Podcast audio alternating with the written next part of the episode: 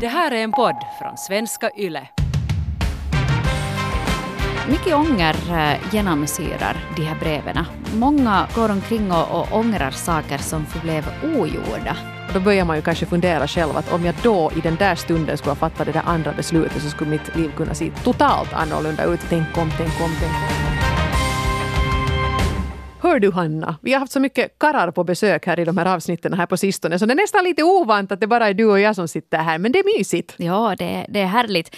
Karrar och, och sex i all ära men, men det är nog allra, allra bäst ändå kanske då man får sitta på tumis och, och skvallra lite. Har du sett att våra avsnitt om just sex när vi hade Patrik Järn på besök, det, de har jättemycket lyssningar. Ja, ja, det här är verkligen någonting som, som har intresserat folk och vi kommer faktiskt nu, nu har vi ju pratat om det i två veckor så vi kommer att lämna sexträsket här nu för ett tag framöver framöver. Jo, nu är, nu på, är liksom kvoten fylld. Nu är kvoten fylld. Nu, nu, nu Upp räcker med byxorna och händerna på täcket. Ja, precis.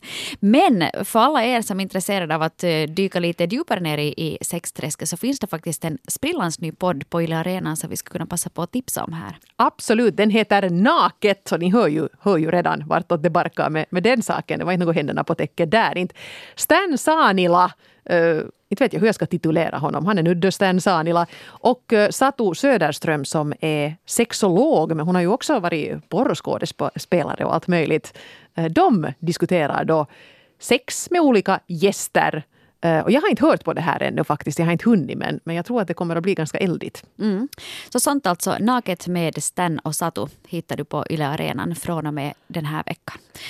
Men uh, här i relationspodden Norren och Frans ska vi idag prata om uh, romantik. Och, och, och, romantik som kanske fick flamma upp ett tag men som sen aldrig blev till något desto mera. Precis, det finns en så bra engelsk term för det här och jag har inte hittat på något riktigt bra på svenska men på engelska så säger man ju the one that got away. Det är svårt att säga det på svenska, att den som, som kom undan. Det låter, mm. det låter som det inte ska vara en helt harmonisk romans där man faktiskt måste fly. Men, men i alla fall, här är det ju frågan om en kärlek som hade ett visst potential då någon gång men aldrig sen riktigt blev av. Men som kanske ännu spökar i ens medvetande och i ens känslopott. Mm. Och vi har eh, bett om, om era berättelser och det har kommit in helt i vanlig ordning eh, väldigt många och, ja. och vi ska gå igenom så många som vi bara hinner. Men, men före det måste, jag, måste vi reda kanske ut lite våra egna troll eller sexiga karrar i garderoben. Eva, du har varit gift i 150 år. Du kanske inte har såna som, som du funderar på fortfarande? Eller om du har det så skulle du knappast erkänna det i det här sammanhanget. Nej, alltså jag tycker det är lite, lite osympatiskt mot min man om jag nu skulle börja förklara att åh, Börje och jag, tänk om det hade blivit vi. Men faktiskt helt ärligt talat så, så någon sån här större liksom, känslostorm har jag inte varit med om. Jag har haft liksom någon, någon ex-pojkvän nog, eh, men jag kan nog inte säga att jag någonsin har funderat på att åh, hur skulle livet ha blivit om vi skulle ha fortsatt, utan det var, det var klart då mm. när det var klart och, och inget illa med det. Men däremot, jag menar nu, nu finns det ju ibland sådana som som potentialen var så liten att, att jag nu faktiskt aldrig ens tänkte på det. Men några skolkompisar och sånt som man ibland liksom ser på sociala medier att det där figurerar. Och så kan de mitt i allt, om man nu har lagt ut någon bild, så kan de drämma till med ett hjärta. Och man är så här, vad i helvete, nu! Ja. Nu sitter du nog där och klämmer till hjärtan. Det där skulle jag uppskatta ganska mycket då. Ja, om du ska bjuda upp mig på det där disco i Precis, högstadiet. för 20 år sedan, före ja. du blev tunnhårig och fick ölmage. Då skulle det kunna hända grejer. Hashtag inte bitter alls. Mm. Men, ja, ja, så då kan det ju kanske slå mig lite sådär att ah, okej, okay, den där for you away och det var ju kanske, kanske lika bra det. Men det är ganska lätt att, att stalka gamla ex och, och ta kontakt också med sådana potentiella the one that got away som man fortfarande funderar på nu för tiden i och med just uh, sociala medier. Du kan ju ragga upp vem som helst eller leta fram information om vem som helst och det är ganska spännande. Åtminstone brukar nog jag sysselsätta mig med det här ibland att man går in på någon sida som man kanske inte borde. Till exempel att du går in på någons Instagramkonto och så tittar du igenom. Regel nummer ett är ju där att du ska inte börja lajka bilder från åtta månader, åtta månader tillbaka eller något, för då vet ju någon att du har gått igenom precis alla bilder. Så, så akta dig för hjärtknappen i, i, i sådana situationer. Och det har jag ju gjort någon gång av mm. misstag. Så man jätte... Märks det om jag tar bort den? Han det blir en avisering? Det han blir. Det han blir. Ja. Ja. Oh my god, oh my god. Don't do ja. it. Nej, ja. nej, man ska vara försiktig, inte sitta mm. där och fumla. Men Hanna, du då? Uh, jag funderar på det där faktiskt. Jag, jag kommer dra mig till minnes en händelse som jag tyckte var ganska speciell eftersom den ändå fick uh, romantiska följder. Det, uh, mm. Året var 1997 typ Eh, Eh, jag bodde i London då jag hade ett mellanår, så jag bodde i London. Var ute i centrala London och träffade där eh, ett gäng med australiensare. Det var egentligen två stycken. De frågade mig om, om eh, directions, vart de skulle gå, för de var där och turistade. Och sen blev det nog sådär att vi gick nu och tog någon drink och sådär och pratade jättemycket. Och jag och den här ena australiensaren, vi connectade ju då vet du som, sådär som man bara gör på film. Oh. Nåväl, så åkte jag då hem och, och de for vidare på sin semester och, och jag tänkte att ja, det var ju synd att inte vi bytte några kontaktuppgifter och sådär. Men att nå, han bor i Australien, det är nu lika så bra. Några månader senare så får jag ett brev från den här australienaren som har skickat då, vet du, bilder på sig själv. Här är jag i Australien och, och skriver att han kan nu inte glömma den här kvällen i, i London. Att det skulle vara så roligt om vi nu åtminstone skulle kunna brevväxla något. Och jag svarar aldrig på det här. Och jag får minus för att jag aldrig gjorde det. För, för jag tänkte att nå, vad ska jag nu börja med det? Men jag tyckte det var fint för att det kom det där brevet som hade åkt från andra sidan jordklotet. Då. Att han hade uh, ansträngt Alltså, sig vil- så vilket pass mycket. år är det vi talar Det var om? Tog han- 97. Det var ju Ja. då liksom att man... Du kunde ju inte... Jag menar på sin höjd kunde du gå med slantar till en telefonautomat på stan om du ville ringa någon. Men det var ju inte så där att du, du kunde chatta med någon på Facebook. så Nej, att sätta sig ner och skriva ett brev. Det är liksom ändå en viss effort i Och- det. Det är ja. inte så som man slänger iväg ett hoho på Messenger. Liksom. Nej, och skicka liksom framkallade fotografier. Åh. Det är nog någonting Har fint. du kvar dem? Jag har nog dem säkert kvar någonstans faktiskt. Men, men jag menar det, det är liksom en helt annan nivå av engagemang än vad det är nu för tiden. Att folk skickar vet du, några snuskbilder att någon som de har träffat på krogen. Jag måste säga att det finns ett romantiskt skimmer över det där som jag känner en viss saknad efter. Av. Vad Ja. säger man? No, saknad. Känner en viss saknad. Punkt. Vi går vidare till... Ja, men det finns någonting fint där som, som jag i alla fall uppskattade Ja. väldigt mycket. Det börjar pärta mig nu också att du Mm. inte svarar. Jag skulle kunna bo i Australien, vem vet? Det skulle inte varit så bra. Nej, för för mig. det- nej. Säkert för dig. Men... Jag är mycket glad att bo i Finland. Det, det var säkert bäst på det sättet. Ja. Men, men senare i livet så har det faktiskt varit uh, sådana som jag har varit väldigt förtjust i och sen av orsak eller annan så har det inte kunnat bli. Jag tror att i vår ålder så är det att folk är upptagna lite på olika håll så det blir aldrig av. Och, och sen eh, nu så, så har en av de här kommit tillbaks. Och nu är liksom alla stjärnor står i rätt position. Oho. Och då får man ju se vad det blir till då sen. För jag menar, det är ju lätt att vara förtjust i någon som är upptagen eller vice versa. För då kan det aldrig bli till någonting. Men hur är det sen då folk möts och de är båda singlar och du har alla möjligheter att göra någonting åt saken. Är du då tillräckligt modig eller fegar du ur? Det får vi se. Det kan vi återkomma till. Vi kan ju se om vi kan svara på den där frågan i slutet av det här avsnittet när vi har tagit del av eh, era publikens berättelser. För att ja, ni, ni har berättat väldigt generöst och många har skrivit ganska långt så vi har lite kortat ner. Ta inte illa upp av det. Men eh, ja, eh, här var ju en story som kanske var lite, lite inne på, på samma som, som du här. Jag menar det händer ju saker och ting när man reser i världen och träffar folk. Och eh, signaturen Flickan som åkte hem 24 år som har skrivit så här. En sommar för flera år sedan jobbade jag utomlands. Någon vecka in i jobbet träffade jag en kille som jobbar på hotellet i samma by som jag. Sakta men säkert drogs vi till varandra och efter att vi kysstes på ett dansgolv på en nattklubb så fanns det ingen återvändo. Vi sov över hos varandra och han erbjöd mig till och med att flytta in hos honom när jag hade problem med min hyresvärd. En månad hann vi spendera tillsammans innan det var dags för mig att åka tillbaka till Finland. Min sista kväll där bad han mig att stanna, flytta in med honom och strunta i att avsluta mina gymnasiestudier. Hälften av ungdomarna i det här landet har aldrig någon examen, sa han. Eh, Jag var 18 år och han var 19. Nästa morgon tog jag flyget hem till Finland. Två veckor senare hade han en ny flickvän. No. Förlåt att vi skrattar. Det är, ju, Nej. det är ju brutal insikt att inse att, att det gick över på två veckor och han hade skaffat sig en ny genast. Säkert då planen lyfte så hade han redan bongat någon ny chick där i, Jo, i den andra sidan, men, men så bra flicka som skrev till oss att du åkte hem. För att det där var ju å andra sidan ett väldigt tydligt facit. Kanske lika bra att han hittade en ny så att du inte behövde fundera sen desto mer på det saken. Att fattar jag nu rätt beslut där? Utan du fattar så rätt beslut. Mm. Och jag tror nog att det finns någonting där också just med, med, med de här kulturella skillnaderna och den här här moden du är i då du åker på semester eller befinner dig utomlands och jobbar ett, ett tag. Och många har skrivit in just om de här typiska semesterromanserna. För det finns no, det är någonting speciellt över den. Det är en kort period i livet. Det är lätt att bara kasta sig huvudlöst in i en sån här himlastormande romans. Mm. Men hur bra skulle det egentligen funka sen sist och slutligen? För någon dera hamnar att ge upp sitt hemland. Någon dera hamnar att flytta långt bort från sin familj och sina vänner. Och så där. Att det är inte så där bara heller att hålla i en semesterromans. Nej, det finns ju de som, som lyckas som sen mitt i allt blir delägare i någon taverna någonstans och lever lyckliga i alla sina dagar. Det, det kan ju gå hur bra som helst men jag tycker också de här semesterromanserna, de, de är lite bitterljuva men de kan ju vara ganska bra att ha i bagaget. Man har ändå liksom lite levt och, och lite har liksom känslor flammat upp men där finns ju ändå alltid det där som, som du pratar om att att det, man ändå på något sätt undermedvetet hela tiden ju inser att inte kommer det här ju att bli till någonting för att inte kommer vi ju att kunna flytta till samma land. Mm. Men att vi har det här nu och det är ljuvligt och det här kommer jag att minnas med värme på ålderns höst. Ja. Men att man sashayar away helt enkelt. Mm. Åh. Men det är, det är fina minnen att ha. Man kan värma sig med så här i november, mörkret. Uh, vidare vi ska gå till ett helt annat scenario. Det är signaturen Han var min bästa vän, 33 år, som har närmat sig oss med följande brev.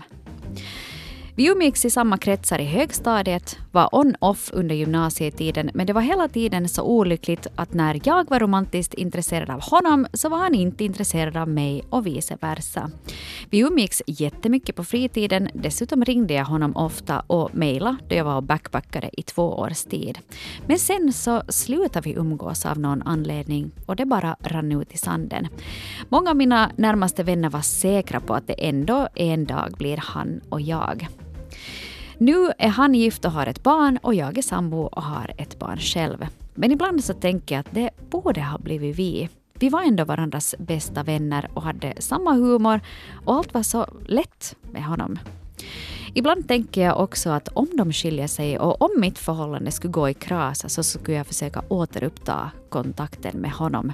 Men jag måste säga att det känns nästan som att vara mentalt otrogen. Mm så skriver signaturen Han var min bästa vän 33 år. Men det där är ju så typiskt och det här har ganska många av er skrivit om att det här, det skulle liksom finnas nog en tanke där. Men man har så otur, man är liksom i otakt att när den ena är singel är den andra upptagen och så byter man om och så är det liksom samma situation och man vill inte förstöra någonting och man vill inte ta några onödiga, onödiga risker som man skulle kunna göra om båda skulle vara singlar. Att, men vi ser nu vad det blir. Mm. Typiskt. Men jag tycker att här verkar det ändå som att det har, eh, det, ni, ni, ska inte vara ihop och det var inte meningen att ni skulle bli ihop. För om det skulle ha varit det så skulle ni ha blivit det. Mm, mm. Om man har varit bästisar typ hela skoltiden och man har varit intresserad av varandra alltid lite nu och då. Det har lite flammat upp någonting sådär. Det har inte varit tillräckligt starkt starkt för att ni verkligen skulle ha blivit ihop. För om det skulle ha varit det så skulle ni idag vara tillsammans och ha de där barnen ihop. Jag, det rann ändå ut i sanden och ja. Eh, hon som har skrivit det här brevet kan inte riktigt sätta fingret på varför. Men det var kanske just det som, som var grejen. Den här bristen på engagemang var antagligen orsaken till det här. Och jag tycker att det ibland känns det ganska trösterikt också att komma ihåg det här. Saker blir inte av för att det helt enkelt inte finns tillräckligt med mycket med energi som skjuter de här sakerna åt det hållet. Mm. Att, att du är antagligen på rätt plats där du är med din sambo och ditt barn och han är kanske lyckligare med den som han är tillsammans med nu. Sen vet vi ju inte vad som händer när ni är 55 och kanske träffas på någon klassfest eller någonting. Vem vet om det då flammar upp igen. Men jag tycker att man kan trösta sig med att, att det blev inte vi av en orsak. Och det är därför att vi inte meningen, det inte var meningen. Nu har vi inte fått in ett, ett brev av just en, en sådan person men jag har helt i min bekantskapskrets personer som har hittat tillbaka till the one that got away efter det att de båda har blivit enklingar eller änkor. Och det tycker jag ju också är, är ganska underbart när man liksom inser att ja, att nu, nu blev jag ensam. Då man kan kanske ha ett, ett härligt äktenskap bakom sig och ha levt med precis samma person men så kanske man återupptar kontakten med den där som man var förtjust i i skolan. Mm. Och jag känner till sådana som har ett, ett mycket bra förhållande så där på ålderns höst. Mm. Så det, det, är aldrig för sent alltså. Jag tror kanske också att ju äldre man blir desto mer uppskattar man också värdet av att någon känner dig sen länge tillbaks. Och att man har det där gemensamma minnet. Ja, du har den här historien, du delar ja. den. att Du behöver inte liksom gå på en dejt och börja nysta upp liksom, kanske då 50 år av historia för den Nej. andra personen. Nej, den, den den kommer- vet varifrån du kommer. Du behöver inte sälja in dig. Nej. Utan du är ju för evigt den där som stod och, var gullig på skolgården Ja. på 40-talet. Jo, jo, men det, eller den gillar dig fast du hade det här pystytukka och här råttsvans Ja, på precis. 80-talet. Så Ja. och den har sett dig i det och tyckte ändå att du var helt jäs. Så det finns inte så mycket att dölja något mer. Och, och där fint. tror jag nog att det finns... Att det, det betyder väldigt mycket det där att man vet varifrån man kommer och man har den där gemensamma historien. Så, så ingenting fel i det. Nej, och det jag också tänker med det här att som sagt, inte är det nu nödvändigtvis någonsin för sent. Och jag förstår ju det här att, att det känns lite sådär som att vara mentalt otrogen om man håller på väldigt mycket och funderar på någon sån här gammal flamma. Men inte tycker jag det är något fel i det heller. Fantasier är bara bra. Det är ju liksom att lite tänja gränserna och sådär utan att någon kommer till skada. Så fantisera på, tänk bara, inte det är så farligt. Det är inte. Vi pratade nog om det här också då vi pratade om otrohet här tidigare. Det börjar ju vara ett tag sedan nu. Att, eh, jag menar, du blir ju inte blind och döv för att du är i ett förhållande. Och du blir inte totalt immun mot andras inverkan på dig för att du har en vigselring på fingret. Sen är det skillnaden att låter, hur mycket låter det här påverka dig och kommer du att agera utgående från de här känslorna. Att sitter du och chattar med din gamla flamma alltid sena nätter då din uh, sambo har gått i sängen, då är det kanske inte... Det är inte helt- riktigt okej. Det är inte riktigt okej. Men om du nu någon gång tänker att åh, han eller hon var nog så kiva, så inte det är ju någonting fel i det. Inte det är underligare än att du skulle fundera på Brad Pitt, liksom. Om du inte ändå agerar på det. Nej. Nej. Vet jag, det kanske var Brad Pitt som var den här gamla flamman. Inte kan vi veta det heller. Han, han är inte från Det Australien. står inte bredvid i alla fall. Det är mycket, mycket, alltså. ånger, mycket ånger eh, genomsyrar de här breven. Och, och Mm. det känns kanske lite sorgligt på ett sätt. För att eh, många går omkring och, och ångrar saker som förblev ogjorda. Mm. Det är ju det här sliding doors-fenomenet. Du vet filmen Sliding Doors. Eh, var, var man visar hur att livet kan gå i två helt olika riktningar beroende på om du hann med den där ena metron eller inte. Och då börjar man ju kanske fundera själv att om jag då i den där stunden skulle ha fattat det där andra beslutet så skulle mitt liv kunna se totalt annorlunda ut. Jag tror att man kanske måste vara lite försiktig med, med det där. Att man får inte heller fastna i de här resonemangen. Att tänk om, tänk om, tänk om. För jag tror nog åtminstone att i någon mån så driver ju nog ödet oss ändå i rätt riktning. Fast man inte alltid i stunden riktigt förstår att varför blev det nu på det här sättet. Speciellt om man har motgångar. Men nu tror jag ändå att det finns någon sorts masterplan där. Och att man ändå i slutändan fattar de beslut som man ska. Fast man tror själv att nu blev det fel.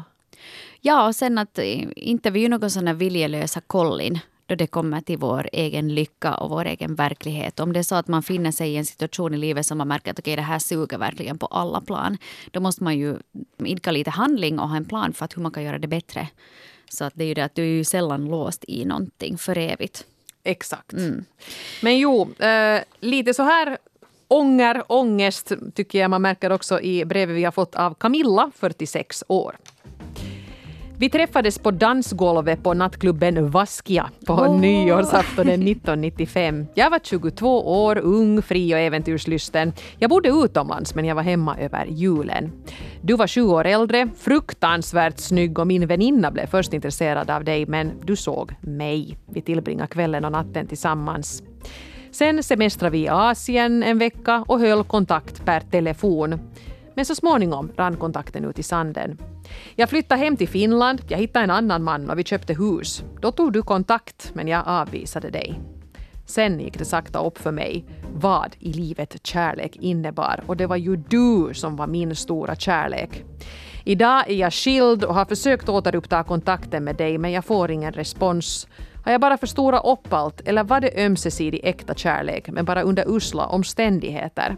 Kommer jag någonsin att få svar och kommer jag någonsin att kunna glömma dig? Camilla, 46. Nå, Oj nej. Camilla.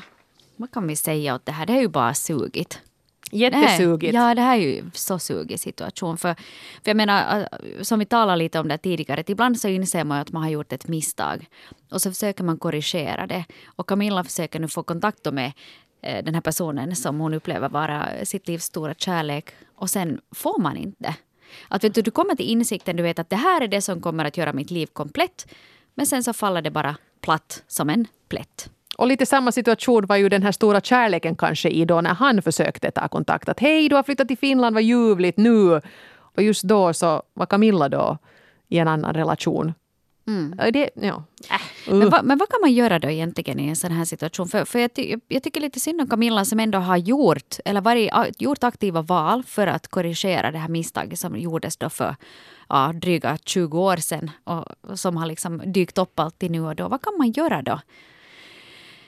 Antingen liksom vänta, det kan ju hända Mm. att, att uh, han är nu inne i en sån situation att han är lycklig, att han äter bökigt, han kanske är sjuk, han kanske är utomlands, han kanske bara inte nu har plats i sitt liv för dig. Ingen vet hur det kommer att se ut om till exempel Nej. ett år eller om tio år. Men jag skulle kanske inte sätta mig ner nu och vänta på det här. Nej, alltså jag börjar ju undra. Jag vill ju inte liksom uppmana Camilla att bli en stalker men jag tror ju att det skulle kunna vara ganska bra att, att se karln. Att hur ser han ut och liksom bara ses öga mot öga och lite känna efter. För det kan ju hända att det skulle vara det som, om det liksom inte alls pirrar till någonstans så då vet hon det. Att nej, det är in, inte nu värt att börja hoppas på det här nu då att, att glöden har slocknat. Eh, där finns den risken att han är vacker som en dag i denna dag. Mm. Och sen kan du aldrig glömma Och sen, honom. sen blir det riktigt tokigt. Ja, men, och, och där kanske också att då du närmar dig en person som du vill ha, ha kontakt med igen, så då behöver man kanske inte att hej, att jag är nu singel, att nu har vi möjlighet att bli ihop, utan kanske bara gå Det är via lite det som här. att hördu, jag har en lucka här i kalendern nästa torsdag klockan 12. Att ska vi ta det där mötet då? Ja. Och det är ju inte så romantiskt. Nej, alltså jag skulle föreslå vet du, bara att hej, att jag är tillbaka i stan och jag kommer Ja. att tänka på dig. Och, eller jag, det här är en bra grej, det här brukar, det här brukar jag dra till mig emellan. Jag såg idag en på stan som jag trodde att det var du, men så visade det sig att det var inte du. Och då kom jag att tänka på att hur många du har det nu för tiden. Ja. Och därför tänkte jag att jag skriver redan till dig, hur är läget? Börja det därifrån, för då har du liksom... No, men det kan ju, jag menar det är ju inte... Ja, no, hon har nu en gång redan inte riktigt fått respons men det kan ju också hända att han bara blev så till sig. Jag tycker ju inte att det skulle vara någon skada skedd om hon skulle sätta ett litet liksom mer sådant hurtigt och vänskapligt sådant att men hej vet du jag börjar tänka på dig idag att hur är det eller ta fasta på någonting, någon, någon av hans egenskaper eller just i stil med det som du Hanna sa. Ja, eller jag, jag Hitta en- på ett svepskäl att hej, hörru, jag tar kontakt med dig nu för det här. Inte för att jag trånar efter dig efter alla dessa år och ångrar att jag visade dig år 97. Nej, nej, inte den där martyrsvängen. Nej. Eller sen kanske vet du att hej, att jag såg att om vi säger att ni hade någon gemensam artist eller något gemensamt band så det tyckte jag var jättebra. Att hej, att jag såg att de där har gjort en comeback. Just eller jag det, hörde deras ja. låt på radion idag och så kom jag att tänka på det. Det var precis som att färdas i en tidsmaskin. Att hur har du det? Ja, Svepskäl hittar man alltid på. Om han då, och då ger man honom en bra chans att vara sådär att då kan han ju skriva något diplomatiskt tillbaka sådär att tack att roligt att du hör av dig, att vad är det nu här att, att jag och frun och, och, och barnen som börjar vara ganska stora och barnbarn på kommande och sådär. Och då kan hon vara så att okej, nu- Ja. ja, så simmar vi ur bild då liksom. Ja, Men då i kommer tillbaka sådär att ja, men det kan ju också komma något så lite positivt. Ja, nu vet jag ju inte om Vaskia har sån nattklubbsverksamhet mer. Jag, jag tror inte. Jag tror att det är bara någon typ av hotellverksamhet som de har på det här legendariska hotellet i Vasa. Men kanske du beger dig iväg till någon, något annat ställe istället och ser om du hittar någon ny som kanske du lite senare i livet kan, få, kan framkalla den här samma reaktionen hos dig. Ja, det, men det är också illa om den där the one that got away blir där som en propp i systemet på något sätt. Att man börjar, eftersom man säkert målar upp en sån här lite så här glansbildsaktig bild av hur den här personen var och hur underbar han skulle ha varit om han nu skulle ha blivit den man var tillsammans med. Den stämmer ju förstås inte. Man skulle, ha, skulle ni ha blivit ihop så skulle det vara tusen grejer du skulle störa dig på hos honom och, och han skulle inte alls vara så tjusig som han är nu i minnena. Och då är det farligt att man mäter alla andra potentiella kärlekar mot den här glansbildsmannen eller kvinnan. Så att det är ju också illa. Ja, men Ja. oj. Lycka till Camilla. Hör av dig om när du har bestämt dig Ja, för vad du ska göra. Så, så vi får veta. För, för vi, vi önskar att... Mm. Vi är ju romantiskt sinnade. Vi önskar ju att det ska bli kärlek för alla. Ja. Och lyckliga slut. Mm. Hej hörni, vi har ju pratat om det här med, med eh, romanser på arbetsplatsen och, många träffar ju faktiskt sin partner via jobbsammanhang. För det är ett ställe där vuxna människor umgås dagtid och, och man träffar mycket nya människor. Och eh, Kvinna 33 har faktiskt också pratat, eh, har närmat sig oss med en berättelse som, som har uppstått just på arbetsplatsen. Han och jag jobbar inom samma bransch men i olika städer. Första gången vi träffades så blev jag lite förtjust i honom men när jag insåg att han var gift så förträngde jag hela tanken. Ändå kunde han ibland skicka något meddelande på Facebook och han var alltid lika rolig att skriva med men vi höll det på ett kompisplan. Efter en tid träffade jag en annan och började sällskapa och vårt förhållande blev snabbt väldigt stormigt och jag mådde dåligt. När vi till sist gjorde slut helt och hållet så började jag och han skriva. Väldigt ofta, väldigt länge. Det var djupa samtal och sensuella sådana. Han var en sån som alltid förstod mig. Tyvärr var han fortfarande gift fast deras förhållande knakade i fogarna. Min expojkvän började ha kontakt med mig igen och till sist så bestämde jag mig för att gå tillbaka till honom. När vi cirka nio månader senare försökte få barn meddelade han, alltså kollegan, att han ska separera. Jag kunde inte låta bli att tänka om jag har gjort rätt. Nu skulle jag nämligen ha haft min chans. Nu och då kan vi skriva till varandra när vi inte kan hålla tillbaka, men då tänker jag på honom och drömmer om honom i veckor. Och när vi ser varandra på jobbet så slår det nästan gnistor om oss och båda blir pirriga med fjärilar i magen. Jag har idag två underbara barn med min pojkvän och vi har ett helt bra förhållande. Om vår familj någon dag splittras så hoppas jag att det är honom jag kommer att leva med. I alla fall vill han jag ska komma till honom om jag någon gång blir singel. Han har inte heller gett upp tanken om oss. Så skriver kvinna 33. Oj, oj.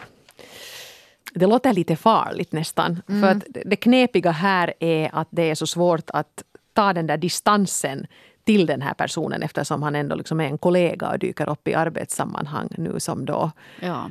Ja. Och, ja. Det, det, det, här jag vet inte vad jag ska säga. Det är lite samma som det där som du var inne på tidigare.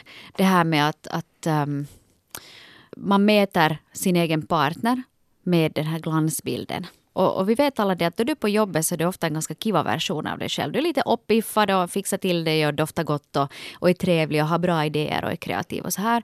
Och sen när du ligger hemma på soffan har du din partner där som luktar illa och inte alls är kreativ och jättetråkig. Och där är det lite samma, att du ska, det är inte rättvist att jämföra din riktiga partner med den här glansbilden. Jag skulle kanske säga nog i det här skedet att det är nog bättre att hålla den där distansen. Mm. Eh, de brukar ju prata om det här, vet du, out of sight, out of mind. Okej, okay, du kanske ser någon på jobbet, men att ta en sån mental distans till någon så tror jag nog att ditt eget förhållande kommer att vinna på. För att om du nu går omkring och väntar på att oh, tänk om jag skiljer mig, tänk om han skiljer sig. Du såg ju av den där grenen du sitter på hela tiden. Mm, precis. Och jag funderar också det här med som hon skrev här att, att åh, när, vi, när vi skriver meddelande på Facebook att han förstår mig så bra och, och så här. Jag måste säga också att, att det kan ju hända att de ganska mycket har chattat om jobbgrejer och sånt som har stört henne på jobbet och svårigheter på jobbet. Och, och inte, inte tar jag ju det med min man heller för att inte hänger han med. Nu, nu lite grann förstås tangerar vi det men inte, inte har han ju någon insyn i mina jobbproblem på det sättet att nu chattar jag ju sånt med andra personer och tycker mm. att, att här får jag den här förståelsen.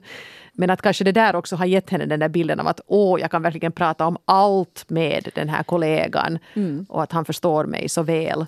Ja, om du kan dela jobbrelaterade saker så det är ju en väldigt, väldigt stor del av, av våra dagar. Absolut. Så ja. det känns ju som men att man connectar och vi delar det. Ja, men man kan liksom inte sätta det ansvaret på, på sin partner som kanske jobbar i någon helt annan bransch då. Den som man lever ihop med helt bra att liksom ta olika ämnen med olika personer men att då kan det lätt bli så där att åh, mm. att den här kollegan, att det är ju han som förstår mig. Men han kanske förstår dig väldigt bra på ett jobbplan. Det är inte alls sagt sen att ni skulle ha det där samma synke i en, i en var, vardag. Mm. Och jag måste säga att jag är ju nog en obotlig romantiker som tycker att det är härligt att tänka på, på, på att saker blir som de ska bli och sådär. Men samtidigt vill jag nog understryka det att jag tycker också att det är ganska oschysst mot den partner du har just nu att du till exempel sitter och chattar med någon annan och upplever att den personen förstår dig mycket mera. Att jag tycker nog att man liksom först ska satsa på att kan jag liksom hitta det här utbytet i min egen relation. Mm, för, att, mm. för att ju mer du söker dig utanför... Eller med en annan kollega. Eller med en annan kollega. Inte, inte den som ja. du är lite attraherad av. Nej, nej jag tror nog liksom att det, det är inte schysst mot den här partnern. Jag brukar ofta tänka så att om, om rollerna var ombytta hur skulle det kännas för mig? Mm. Hur skulle det kännas för dig om din partner skulle sitta och flina mot sin laptop och chatta med någon kollega som förstår henne så himla bra? Inte skulle du heller få en bra filis av det. Nej, absolut inte. Mm. Nej. Åtminstone så skulle, det, eller det, det, skulle han gärna få göra. Men det skulle nästan vara en, en sån grej att om jag frågar att vad är det ni chattar om, att han liksom skulle visa, kolla nu det här. Ja. liksom att jag inte skulle känna mig exkluderad, att nu sitter de där och har det supermysigt. Men mm. ja. Men, men jag, jag, jag, tror lite samma som du Hanna. Jag tror, eftersom det här nu är en kollega och jag tycker nu inte att man ska göra det så drastiskt att man börjar byta jobb bara för den sakens skull. Men sätt upp kanske någon form av regelverk för dig själv. Chatta inte med den här personen. Har ni samröre på jobbet, sånt som inte går att eh, påverka, så försök nu hålla det kort. Eh, men kanske också vara lite tydlig med om han nu liksom faktiskt ändå kommer med de där signalerna att jag hoppas nog ändå att det en dag ska bli vi två du måste bestämma dig nu och kanske då säga i klartext att nu, nu måste vi sluta med sånt här snack. Mm. Att det här blir inte något Nej, för man mår ju inte bra av det i längden Nej. heller. Att, att vara lite sådär med, man har, vet du, äggen är lite i korgar lite här och där på jobbet och hemma och de är här och hit och dit och så faller alltihopa i golvet till sist. Mm. Jag tror att vi bara hinner faktiskt med ett brev till den här veckan. Eh, flera brev kommer du att hitta i en artikel på svenska.yle.fi. Men om vi skulle ta här eh, kvinna 28, ge henne då sista ordet för publikens del. Under min studietid lärde jag känna en kille. Vi hade några gemensamma kurser och vi var ofta på samma fester. Under de här festerna hade vi ofta intressanta diskussioner. Vi dansade och kunde fyllehångla långt in på natten. Ibland sov jag också över hos honom utan att något nu riktigt hände. Vi är båda blyga personer utan alkohol, så vi umgicks aldrig utanför de här festerna. På universitetet hälsade vi bara snabbt på varandra. Efter några månader flyttade jag utomlands och först då började han kontakta mig på Facebook. Vi hade många intressanta diskussioner. Han tyckte det var synd att jag hade flyttat utomlands för en så lång tid. Efter en tid blev diskussionerna kortare och färre. Jag lärde känna en ny man och han inledde också ett nytt förhållande. Men jag funderar ofta på hur livet hade sett ut idag om någon av oss bara hade vågat ta steget och ta en ordentlig nykter diskussion innan jag sen var the one that got away och flyttade utomlands. Det känns som om det där alltid kommer att vara det stora frågetecknet i mitt liv. Mm. Kvin, kvinna 28. Ja, jag men, tror ganska många har varit mm. i just den här situationen. Det tror jag. Jag har själv också varit i den här situationen att, att man har haft liksom en, en, en, så att säga en sån här barrelation med en person. Ja. Eh, för jag kommer ihåg att det var en, en, man som just var lite samma, att alltid var jätteintresserad och han hade fått några drinkar i sig. Men sen liksom blev det aldrig till någonting desto mer. Vet du, nästa dag så var det att man just, just vågade mojka. Och det är ju så lätt att tycka att någon är härlig och attraktiv och häftig och Man tycker att man själv är härlig jo, och attraktiv när man har ja, du fått några, några drinkar några i dig. glas bubbel. Ja, så därför tror jag att det är ganska avgörande där att om man vill att det ska gå vidare att man också kan ses ganska snabbt liksom helt på nyktert huvud. Mm. Uh, du kan ju fast börja med att ta nu en krabbispizza nästa dag och så vet du, ser man lite hur det utvecklar sig. No, det var väl ungefär där mitt äktenskap började. Alltså, vi, var ju, vi var ju helt kackafulla alla gånger vi sågs där i början. För det var nu liksom i studiesvängen på olika nationer och sånt. Och, och sen till sist så blev det nu sen så att, att jag nu var då singel och uh, gick hem till honom. Och sen var det nu kanske nästa morgon när man nu konstaterar att jaha, där är han och, och jag står ut och ser honom och han ser ut och ser mig och, och så rostar vi bröd och tittar på Star Trek och, och så insåg jag kanske så småningom att ja, kanske man skulle kunna vara här också när man inte bakis eller full. Mm. Och på den vägen är vi då. Ja. Så att, eh, ja, men det är nog sant, man måste ju komma till det där nyktra stadiet i något skede för att Ja, och där var det ändå att, att du vågar stanna kvar. För, för många har ju också det där att, att de pratar om den här walk of shame, att sen när du inser, att sen på morgonnatten, du börjar vara så ah shit, jag vill bara hem och vet du, man känner sig sådär, man har laskis och jag bara så oh, att jag vill bara hem. Och sen så rinner det ut i sanden för man bara liksom flyr fältet. Ja. Men klart det. Jag menar det är aldrig en, en bra idé att försöka fatta livsbeslut när man är lite i gasen. Nej. Man kan ju bli inspirerad. Man kan bli inspirerad. Det kan ju hända att det, ja. den där första skjutsen, att man ska våga ta det där första steget, att det sker när man har några promille i sig. Men uh, ja, det, det, är svårt. Och förargligt här för den här som skrev till oss att ingen dera i nyktert tillstånd våga initiera. Det var lite fegt måste jag nog säga. Inte behöver det ju vara så underligt att man på en tisdag efter det festveckoslutet skriver att, att hör du att, att visst pratar vi om, om det här och ska vi ta en kaffe eller någonting sånt här, men att man inte vågar säga hej på universitetet utan måste vänta på att vara full på nästa sits. Mm. Så då, ja, jag tror vet du vad, inte att det här är ett frågetecken, det är ett utropstecken. Det gick nog precis som det skulle gå. Ni var nog inte destined for each other. Nej, för i så fall så skulle ni ha hamnat ihop ändå på något sätt. Ja. Uh, vi ska ta och avsluta här, tiden rinner iväg. Men jag måste säga att överlag så, så lämnar era berättelser mig med en en liten så frustration över att, att vi, är, vi är ganska fega av oss. Mm, vi mm. kanske har upplevt någonting och förstås i den där stunden kanske du inte vet vad som är rätt eller fel. Men att, att man måste ändå våga lite för att få någonting. Och jag tycker att nästan alla brev skriver detsamma. Att varför gjorde jag inte någonting då? Och vi kommer tillbaka till den här klyschigaste av alla klyschor att på sin dödsbädd så ångrar man alla de saker som man inte gjorde istället för de som man gjorde. Och det kanske känns som världens största grej just nu att åh, tänk om han tycker att jag är helt dajo nu när jag skickar ett meddelande och ber honom på kaffe. Nå gör han det så har det här ju gått över om en månad. Så kanske liksom ta ja. den där chansen och fråga ut den där på kaffe eller, eller ta det där första initiativet, gör någonting åt saken. Var inte liksom bara en passagerare i ditt eget liv utan liksom sätt dig vid ratten. Nu är vi nog in på klyschorna här. ja. Sätt dig vid ratten i livets bil och så, och så kör du den dit du vill. Om du är singel. Och om ja. du har en relation, här kommer våra olika utgångslägen kanske in i bilden. Mm. Eh, jo, sätt dig vid ratten förvisso. Det kan ju hända att det här med att du drömmer så hemskt om en annan är en indikator på att din pågående relation inte är helt optimal och då måste du kanske börja med, med det. Eh, och, och då är ju frestelsen stor att borde man lite pejla läge. Mm. Att hur går det med det här nu då om jag nu skulle ta och skilja mig så att man lite inleder experimenterandet före man har separerat och det rekommenderar jag nog inte alls för det är nog bara lite asshole-beteende att, att göra så. Absolut, absolut. Tack för det här. Tack för alla era berättelser. På svenska.yle.fi finns det flera att läsa och förundras över. Må ni åka många mil ut i lyckans lilla bil. Och vi är tillbaka nästa vecka.